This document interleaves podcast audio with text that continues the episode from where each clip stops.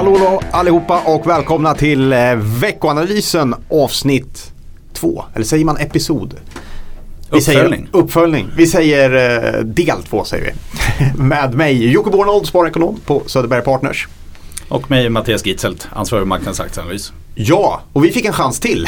Vi får göra en podd till för att eh, det var så många som lyssnade förra veckan. Stort tack för det. Upp i topp direkt.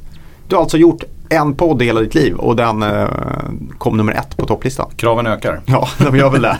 Men eh, vi tänkte inte förändra så mycket. Vi kommer eh, fortsätta att prata makro och lite aktier och ungefär en kvart. Vad som hände förra veckan, vad som händer den här veckan.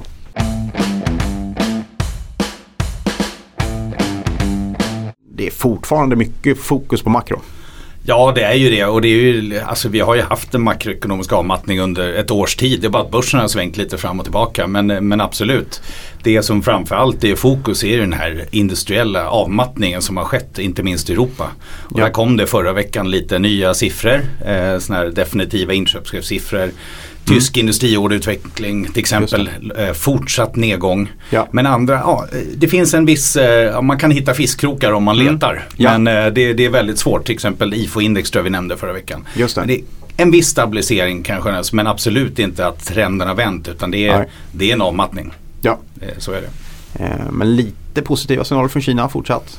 Ja, det kommer inköpschefsindex där. Ja. Eh, ser lite bättre ut. Nu kommer den här veckan kommer det faktiskt export eh, och importsiffror, så handelssiffror. Ja. Och det är ju naturligtvis, eh, de ska ju då egentligen givet allt annat vända upp lite grann och då ska ju tysk industrikonjunktur också komma tillbaka lite grann. Just det. Men det är, ja, ja, det är för tidigt för att säga att det är en trendvändning. Ja, Skulle jag säga. vi får se. De hade en enorm sån här mässa, eh, industrimässa, Hannover, industrimässan i Tyskland eh, förra veckan.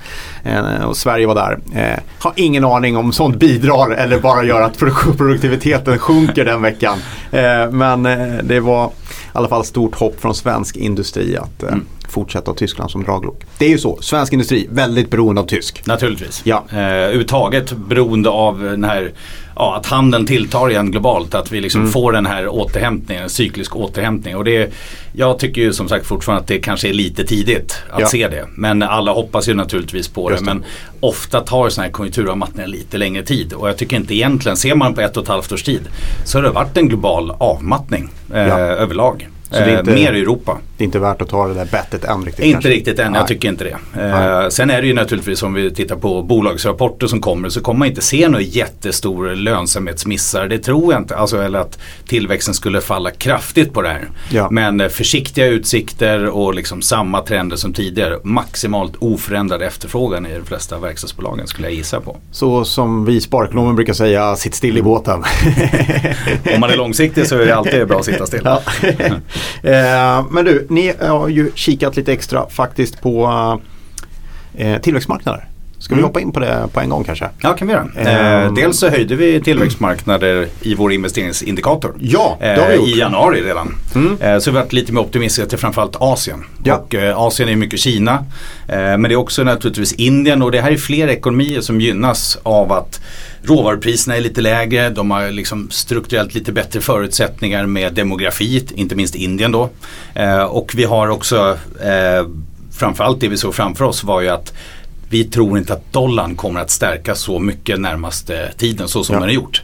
Och det gynnar ju det många av tillväxtekonomierna eftersom de ofta har lån i dollar. Eh, Så Ja. det, det skulle gynna dem då. Eh, Men det som är extra intressant med just Indien som vi faktiskt pratar om i vår veckanalys denna gång. Ja. Det är ju att det är val på gång. Just. Mm. eh, På torsdag. Så inleds parlamentsvalet. Och eh, då är det ju så att eh, president Modi han har ju då eh, har ju haft en rätt reformvänlig agenda och gjort en hel del reformer, mycket mer än tidigare. Ja. Och det här är ju naturligtvis, man vill ju se den här politiska kontinuiteten. Ja. Eh, för ja, du vet ju hur marknaden funkar. Mm. Är det minsta osäkert då Ja. eh, eh, ja, är man mer negativ direkt till, Mm. till börsen. Och indiska börsen, förutom då att man vill ha ett val på gång så har man ju då sänkt räntan från centralbankshåll. Eh, och indiska börsen har haft massa tillflöden av kapital de sista Okej. veckorna. Ja. Och det har ju, ja, börsen gått starkt och naturligtvis så är det viktigt att det här fortsätter. Men som det ser ut så får jag i alla fall ingen egen majoritet i underhuset. Och det skulle ju kunna minska då reform, Ja. reformen lite grann.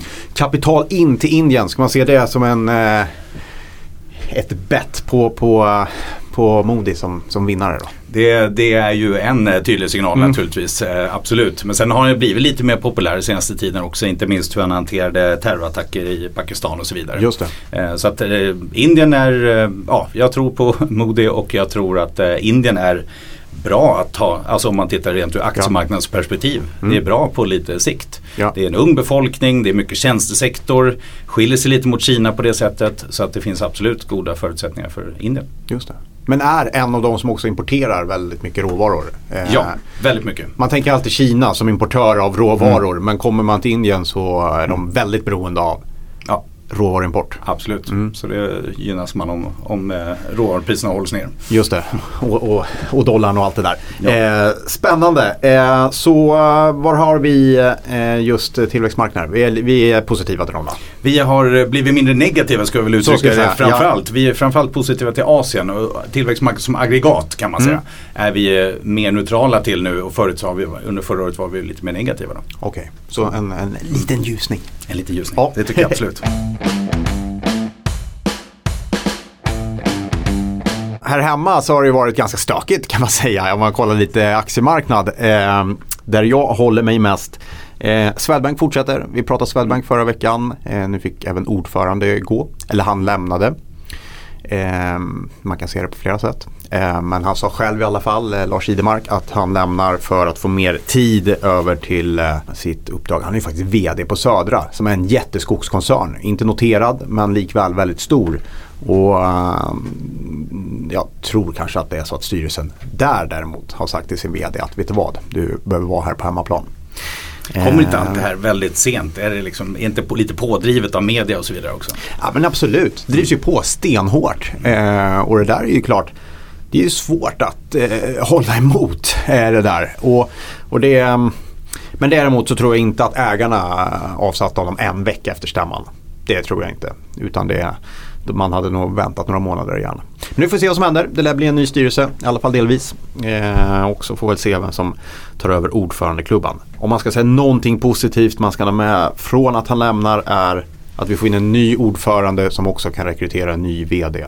Och Swedbank behöver sannolikt lugn och ro här och då är det nog bra om, om ordföranden faktiskt får rekrytera sin VD. Eh, så det är väl bra. Däremot, det här tar ju tid. det tar tid att hitta en ny ordförande, det tar tid att hitta en ny VD. Och det som jag funderar mest på kring det, ja det är väl hur det påverkar Swedbank. Mm. Bonusen ju inne, var ju inne och drev på väldigt mycket förändring. Hon hade till och med tagit även Sverige-rollen eh, själv och drev på väldigt mycket förändring just i Sverige. Vad händer där? Det bör man ju ha lite uppsikt på. Stannar det upp nu bara? Har ingen nått mandat tills ny VD är på plats? Um, och hur påverkar det Swedbank? Det är Exakt, en, och uh, tillbaka till det här med osäkerhet. Uh, exakt. Marknadsaktörer mm. reagerar ofta rätt ja. fort och liksom hellre att man säljer av och avvaktar än att, um, än att uh, så, så det får man ha med sig. Eh, annat bolag som det är stökigt i som faktiskt har en, en, en liten koppling till Swedbank är ju Oscar Properties. Och kopplingen där är ju att eh, Norman som sitter i styrelsen för Swedbank tycker inte att det blåser nog mycket så han tar även över som ordförande i Oscar Properties. Eh, det är ju intressant.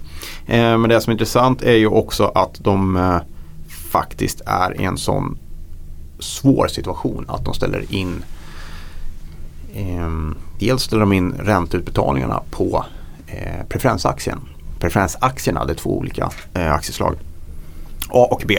Eh, och det får enorma konsekvenser förstås. Eh, och det där är viktigt att ha med sig att preferensaktier har man otur får man det sämsta av två världar. Du får risken i aktiemarknaden men du får bara avkastningen i räntemarknaden. Och, och nu hände det. Eh, man gick ut i fredags tror jag berättade att man kommer inte betala ut eh, ränteutbetalningar på preferensaktien. Och vilket gjorde att den sjönk med över 50 procent. Så att eh, det är en hög risk och det där eh, ska man nog ta med sig som ett varningsflagg. Nu är bostadsutvecklare inte direkt en optimal aktie eller bolag för att ha preferensaktier. Det, det, kan man väl konstatera för det är hög risk i verksamheten. Men det här dyker upp till och från och det är ingen helig graal det där att man får gratis pengar i preferensaktierna.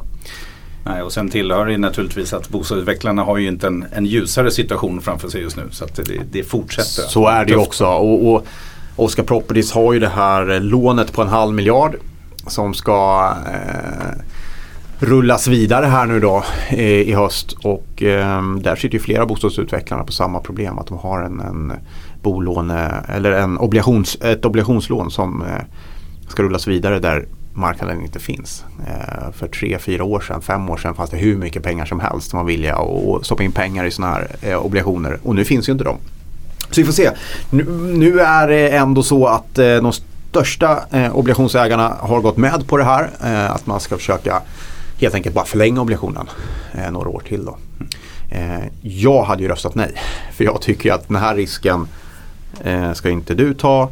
Utan det här ska ju faktiskt hamna hos aktieägarna tycker jag. Jag tycker man helt enkelt skulle gjort en ny emission här. Eh, men det kommer inte hända då som det ser ut. Vi får se. Men eh, stökigt. Stökigt. Helt klart. Ja. Mm. Eh, det är det ju fortsatt även på makrofronten, det sa vi redan tidigare. Eh, ja. Det vi inte pratat om faktiskt förra veckan så hade vi, vi lovade återkomma om sysselsättningssiffrorna som kom. Ja, just det. Eh, för det var ju väldigt stort fokus eftersom de var så dåliga Ja. Mm. liksom, tillfälle innan. Nu kom de in lite bättre än väntat faktiskt. Ehm, och på en nivå som inte riktigt är nivå som vi har snittat senaste par åren. Men ändå tydligt tillbaka vilket Just visar det. att det fanns ändå den här vädereffekten jag Mm. nämnde lite grann. Så att, ja, jag skulle säga att det är liksom tillbaka på samma spår. Det finns ingen här det finns ingen jättetydlig avmattning i USA på något sätt. Eh, men, det, men det är en avmattning men inte liksom på arbetsmarknaden. Det ser, ser ganska stabilt ut. Men om vi tittar, blickar in lite den här veckan vad som händer så är det ju nytt lite fokus på centralbankerna. Ja. ECB kommer med räntebesked bland annat. Eh, det kommer KPI-siffror i Sverige. Eh, så lite intressant ändå inför fortsatta kanske lättare centralbank eller liksom att de är lite mer Det stimulativa inte, igen. det ligger inte direkt en räntehöjning i kortet. Eh, inte riktigt och jag tror jag nämnde det förra gången. Sannolikheten för en räntesänkning i USA är på 70% nu och det tycker Just jag är det. lite att ta i. Ja. Eh, och skulle sysselsättning och så vidare fortsätta så starkt så mycket väl så kan det vara så att man kanske höjer räntan i USA en Mm. till i år ändå. Eh, men tittar vi i Europa så är det ju ja, det som väntas nu den här veckan. Inga räntehöjningar på något sätt. Eh, det man gjorde förra gången var att man justerade lite prognoser. Eh, man har ju rätt så försiktiga prognoser i år. Jag tror att man eh, kärnkonsumentprisinflationen, alltså ja, inflationen eh, justerat för mat och energi i år. Där har man en prognos på 1,2 procent. Det är ju långt ifrån det egentliga det. målet. Ja. Och tittar vi vad som väntas nu. Dessutom kommer man med sådana här nya ja, refinansieringsaktioner och så vidare. Så man är redan rätt dämpad. Och nu så det kommer inte komma några större besked. Inga Nej. förväntningar om räntesänkningar eller räntehöjningar för den delen. Eh, så att eh, inte kanske eh, nya, ny kommunikation från dem. Men Ja. naturligtvis så blickar marknaden hela tiden på signaler om förändrad kommunikation kanske om ett år eller två framåt. Ja. Men det finns ingenting. Fortsatt inflationsförväntningar, allt faller eh, och det finns inga, ingen risk för högre räntor så som det ser ut just nu egentligen. Just det. Eh, bra, då eh, är vi nöjda med det. På aktiemarknaden, där, Ja. där händer ingenting. Det Ja, är men alltså eh, det som utdelningar som, händer- kommer, det är, eh, Ja. det är eh, stämmor och utdelningar. Håll koll på det förstås. Så att du inte får Absolut. eh, s- någon stora själva när du ser att eh, din aktie rasar. Det kan mycket väl vara utdelning. Absolut och inte minst viktigt också bevaka, eller det vi tittar mycket på är just hur utvecklas vinstprognoserna. Just det. För det är ju lite så här, alltså värderingar idag är ju relativt höga. Eh, De är kanske 10% högre eh, jämfört med sitt 10-åriga snitt i USA och Europa och många andra länder också. Ja. Eh, och det här bygger ju alltid på någon slags vinstprognos som analytikerkollektivet gör. Ja. Och där finns det ju en viss osäkerhet. För senaste månaden så har ju de här fortsatt att revideras ner. Just. Tittar vi i USA till exempel vad det väntas för vinst i år jämfört med föregående år. Mm. Ja. Då ska man komma ihåg det är en ganska svår jämförelse eftersom man hade den här Just det. skattereformen. Just det. Men tittar man så var det förväntat för bara några månader sedan att det skulle växa vinsterna med 10%. Nu är det på 3%. Ja. Eh, Så att det har reviderats ner och så länge den här trenden är ner så historiskt så är det dåligt för börsen. Men det som har hänt faktiskt de sista veckorna är ju att börsen har gått väldigt starkt. Ja. Så kan, man kan säga att det är ett extra känsligt läge. Just det. Så. Så det är ett spännande vecka framför oss. Ja, ja. Ja. Det, det är väldigt spännande. Vet ni vad? Det här var, eh, det här var veckoanalysen. Avsnitt två. Del två, episod två. Jag vet inte, men eh, nummer två i alla fall. Bra. Tack för idag. Slut för idag. Grymt, det där var bra.